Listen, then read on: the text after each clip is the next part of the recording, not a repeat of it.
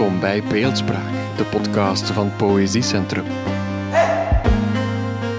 In elke aflevering praten we met een dichter naar aanleiding van een recente dichtbundel. Elke maand met een andere dichter en een andere interviewer, maar altijd met heel veel poëzie.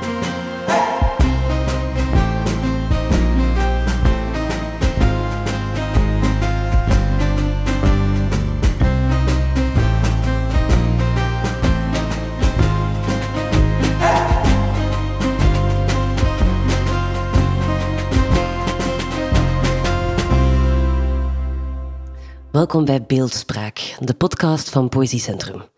Naast mij, tegenover mij, zit Astrid Harens. Dag Astrid, welkom. Hallo. Astrid, jij debuteerde in 2017 met Stadspanters, een roman. Uh, je hebt in meerdere literaire tijdschriften gepubliceerd en uh, maart 2022 verscheen jouw eerste dichtbundel Oerhert. Ik ben Melissa Giardina. Onder mijn uh, noemer Vendetta ben ik moderator, interviewer, redacteur en vertaler. Vandaag vooral interviewen van Astrid. Om te beginnen had ik eh, deze mooie woorden van Anne Vechter. Harens woorden branden, stormen, waaien, stampvoeten. Hier heersen andere elementaire krachten, hier is alles fysiek, hier heersen andere regels. Harens presenteert de nieuwe wetten van het lichaam. Wat een debuut. Dat kan al tellen hè, als introductie. Ja. Lijkt me mooi. Um, was je akkoord met wat ze zei? Heb je nieuwe, nieuwe regels willen uitvinden voor het lichaam? Maar akkoord eh, is misschien het verkeerde woord, maar ik was wel uh, geflatteerd. Ik was mhm. heel blij dat dat de reactie was van uh, Anne Vechter, een dichter waar ik naar opkijk. Dus... Ja. Um, ze zegt het, hè, hier in dit debuut heersen andere regels. Uh, de podcast heet Beeldspraak. Denk je dat er zoiets bestaat als regels in poëzie of in beeldspraak? Ik, uh, ik denk het niet.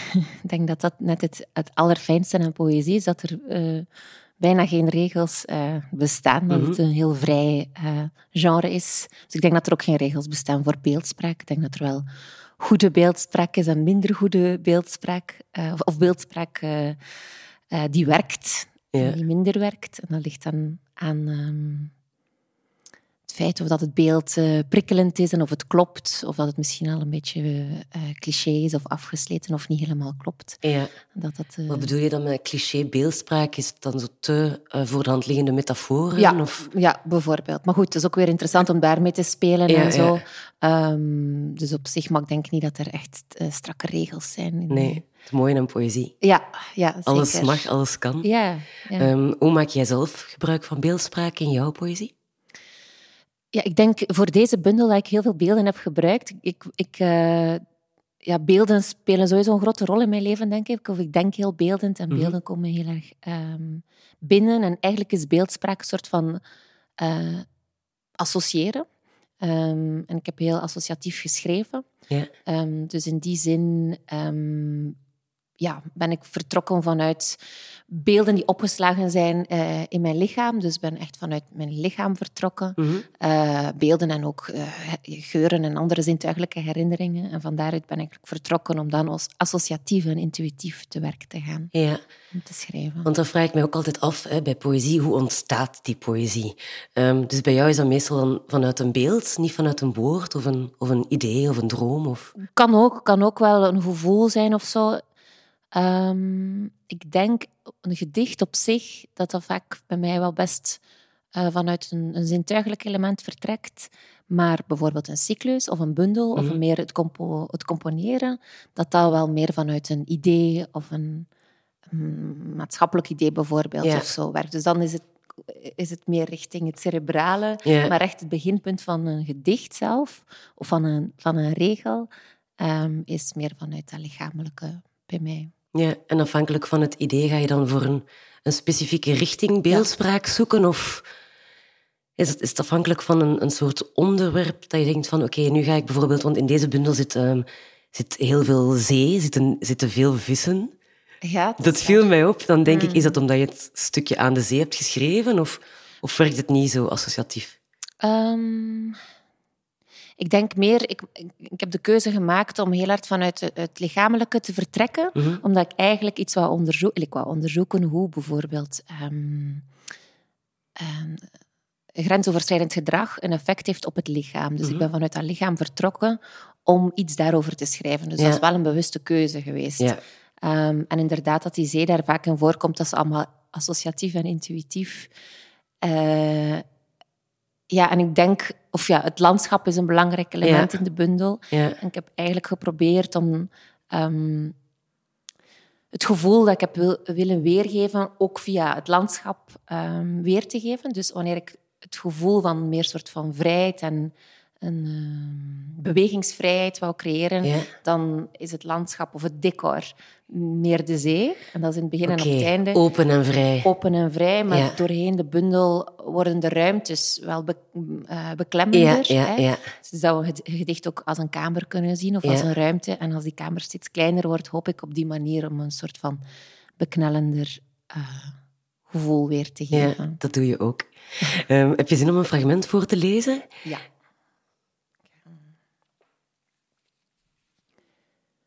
Het was tijdens een samenkomst, waar ik mijn lichaam naartoe had gesleept om te protesteren tegen het galopperen van mijn lichaam bij samenkomsten.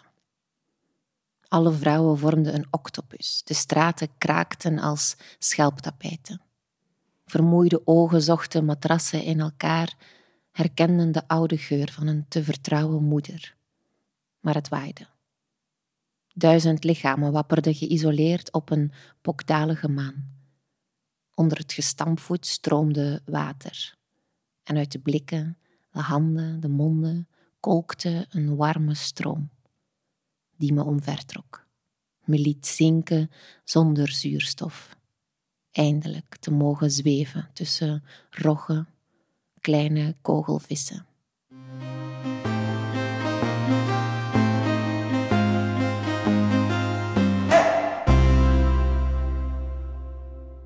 Je debuteerde in de letteren met een roman, met stadspanters. Ehm, wanneer weet je welke vorm je wil gebruiken? Want je hebt zowel een roman geschreven, nu een dichtbundel. Wanneer weet je, oké, dit, dit idee of, of deze, deze thematiek gebruik ik eerder voor een gedicht dan voor, dan, dan voor fictie? Ehm, ik denk bij Stadspanters dat ik heel graag bepaalde eh, personages wilde weergeven, bepaalde mensen wilde vormgeven en hun relaties. Ehm, en dan ben- heb ik voor proza eh, gekozen, omdat ik denk ik misschien ook wel helderder wilde communiceren naar mijn lezers toe. Ehm, en omdat ik mij comfortabeler voelde in proza op dat moment, denk ik dat ik daar eh, tijdens mijn studies meer in had geoefend. En omdat de regels ook wel helderder waren voor mij in, pro, in, eh, Ja. in het schrijven van de roman. Wel regels nodig dan. Iets, ja, of toen, eh, ik bedoel, ik was Ja. 25 als ik het schreef, dus Ja. dan is het wel handig om zo iets van houvast te hebben. En eh, voor Oerhert, omdat ik dan andere thema's wilde onderzoeken, thema's waarbij ik het gevoel had van oké, ik wil eigenlijk dat op een meerstemmige manier onderzoeken en geen standpunt innemen en op, allee, naar, de, naar de verschillende kanten van één thema kijken. Ja. Want het is, allee, als het gaat over ehm, machtsverhoudingen Mhm. ehm, en grenzen en de overschrijding van grenzen, dat is een zeer moeilijk thema om, om, om daar iets over te zeggen. Mhm. Dus ik dacht, de taal die daar het beste voor geschikt is, is poëzie, omdat het voor mij de, de vrijste vorm is om iets in, in te onderzoeken. ja. En ik wou ook misschien een beetje wilder schrijven. een beetje boek zijn.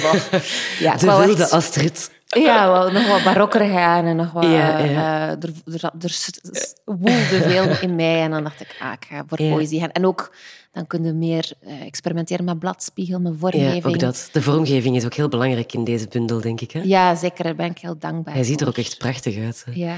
Maar je zei net, ehm, ehm, bij, bij poëzie hoef ik geen standpunt in te nemen. Ik heb nogthans wel de indruk dat je bij deze bundel een redelijk duidelijk standpunt Ja? inneemt. Nee? Ik weet niet, ja, zeg maar Dat is mooi, ja. Ik weet het niet, het is poëzie, dus alles mag. Iedereen interpreteert het op een andere manier. Ja, ik vond hem wel heel dichtbij komen soms. eh, heel pijnlijk. Ja, ja. Waarmee dat je wel bewijst wat dat ja, grensoverschrijdend gedrag, gedrag bijvoorbeeld kan doen. ja. Ja. Ik krijg er zelf kippenvel van, terwijl ik dit aan het zeggen ben. Ehm, ja. min- minder of meer dan in proza? Ik denk, eigenlijk, ik denk dat eigenlijk niet, want ik moet ook wel zeggen, ik heb een tijdje, een paar weken geleden, een gesprek gehad met een andere dichter over, dichter over het verschil tussen proza en poëzie. Mhm. En eigenlijk raakten we daar dan niet aan uit. We probeerden de hele tijd zo'n definitie te geven en we Ja. raakten er niet. En dan dachten we eigenlijk... We kwamen erop, het enige verschil is dat bij proza de regels doorlopen en bij poëzie dat er eh, toch iets meer... een- dat de bladspiegel vrijer en, en, daardoor een waarde krijgt of zo. En bij proza niet. Maar voor de rest is het eigenlijk heel moeilijk om, ehm, om grote verschillen eh, op te merken. Mhm. En eh, bij Oerhert bijvoorbeeld zit er ook echt een, eh, een spanningsboog voor mij. Ik heb ook echt het idee dat dat een verhaal is in vijf delen. Ehm, ja, dus het wordt, die grenzen worden voor mij wel vloer Ja. of zo. Ehm, in, in Oerert heb je het ook over die onveilige zoektocht in taal. Wat bedoel je daarmee? Ja, ik bedoelde daarmee dat, dat de, het schrijfproces voor mij eigenlijk niet zo eh, veilig aanvoelde. Dus als jij zegt van, ah ja, dat komt dichtbij, is, komt dat misschien daardoor? Ik weet het niet, eh, want dat is natuurlijk een privé-ding of zo. Dus het is niet dat je dat één op één kunt lezen, denk Mhm. ik. Maar omdat ik over bepaalde thema's schreef, heb ik beslist van, oké, ik ga terug in mijn, in mijn herinneringen gaan. Of ik ga heel veel lezen over een bepaald thema. Ja.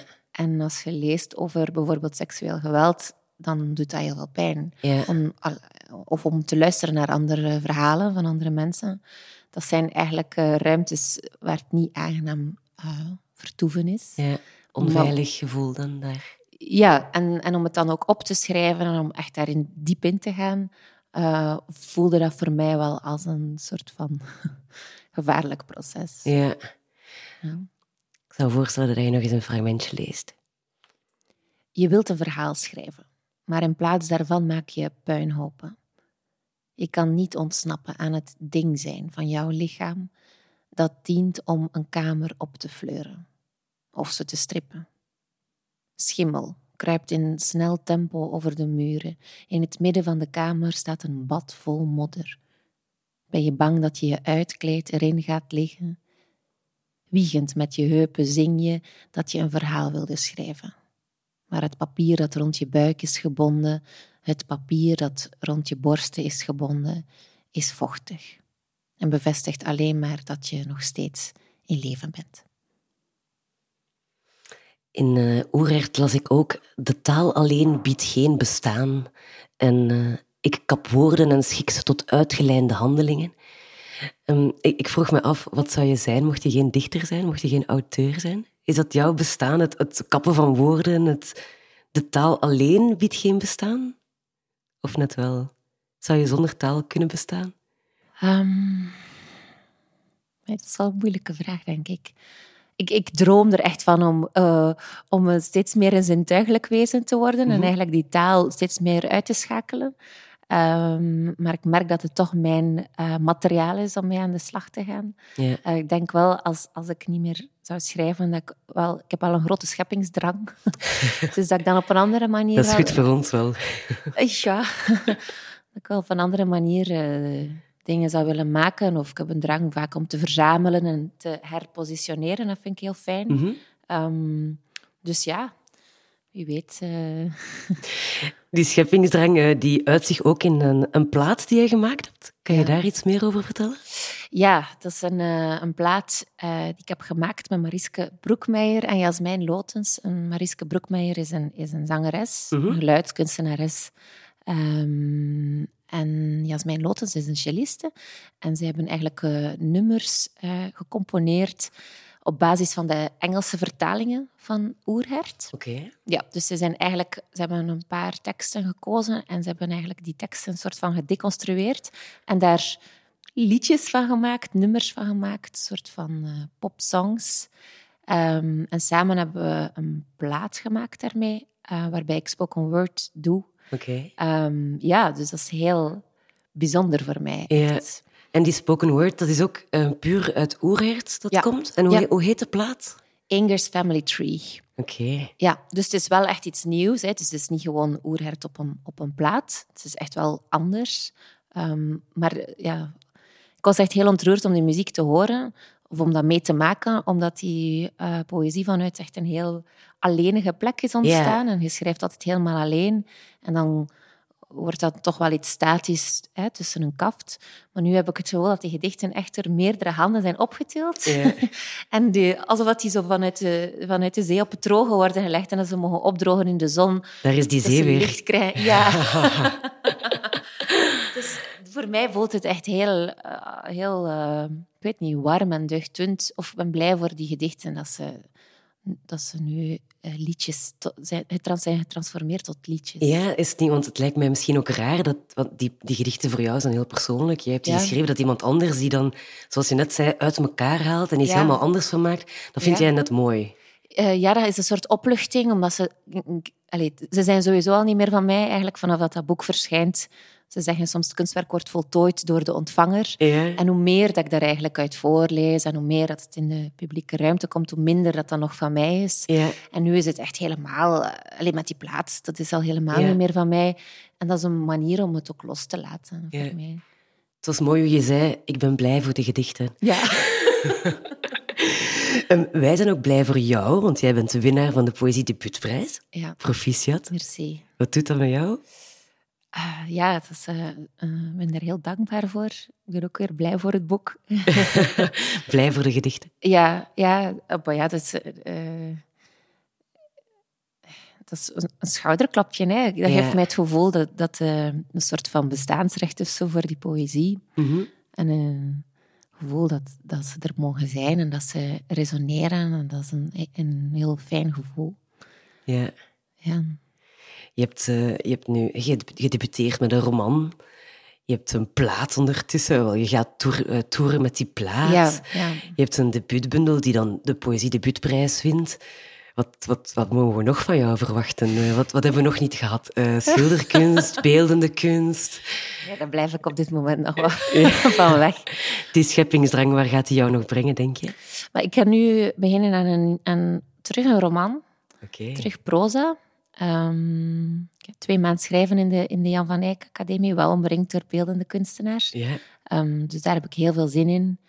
Um, en daarnaast, ja, ik heb natuurlijk nog mijn werk als, als, uh, als letterzetter. Ik ga nog eens een Memento Festival cureren. Dat vind ik ook heel fijn. Ja.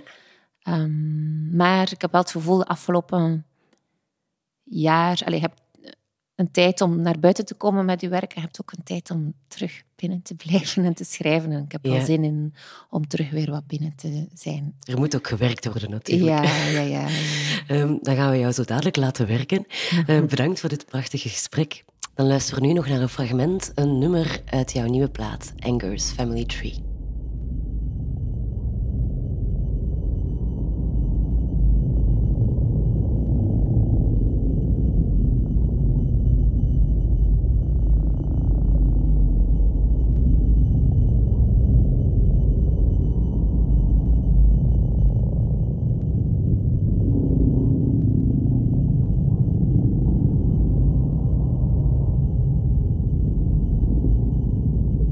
Is een vak apart te verdwijnen. Als struisgras om te buigen. Jezelf uit te vlakken tot een enkel wit oog. De lucht bloedt dapper door. Hoe de vingers te strekken, opnieuw aan te raken, kleefvlekken, stekels, vochtige tongen. Welke richting voor dit gecomprimeerd zicht? Welke snelweg? Welke exit naar een ademhaling in 3D?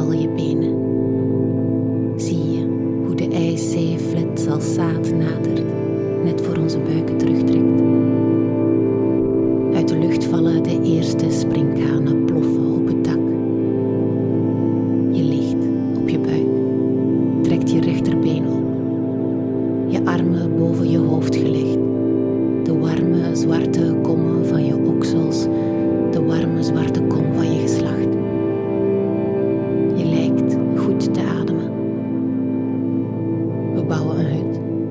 Wij mogen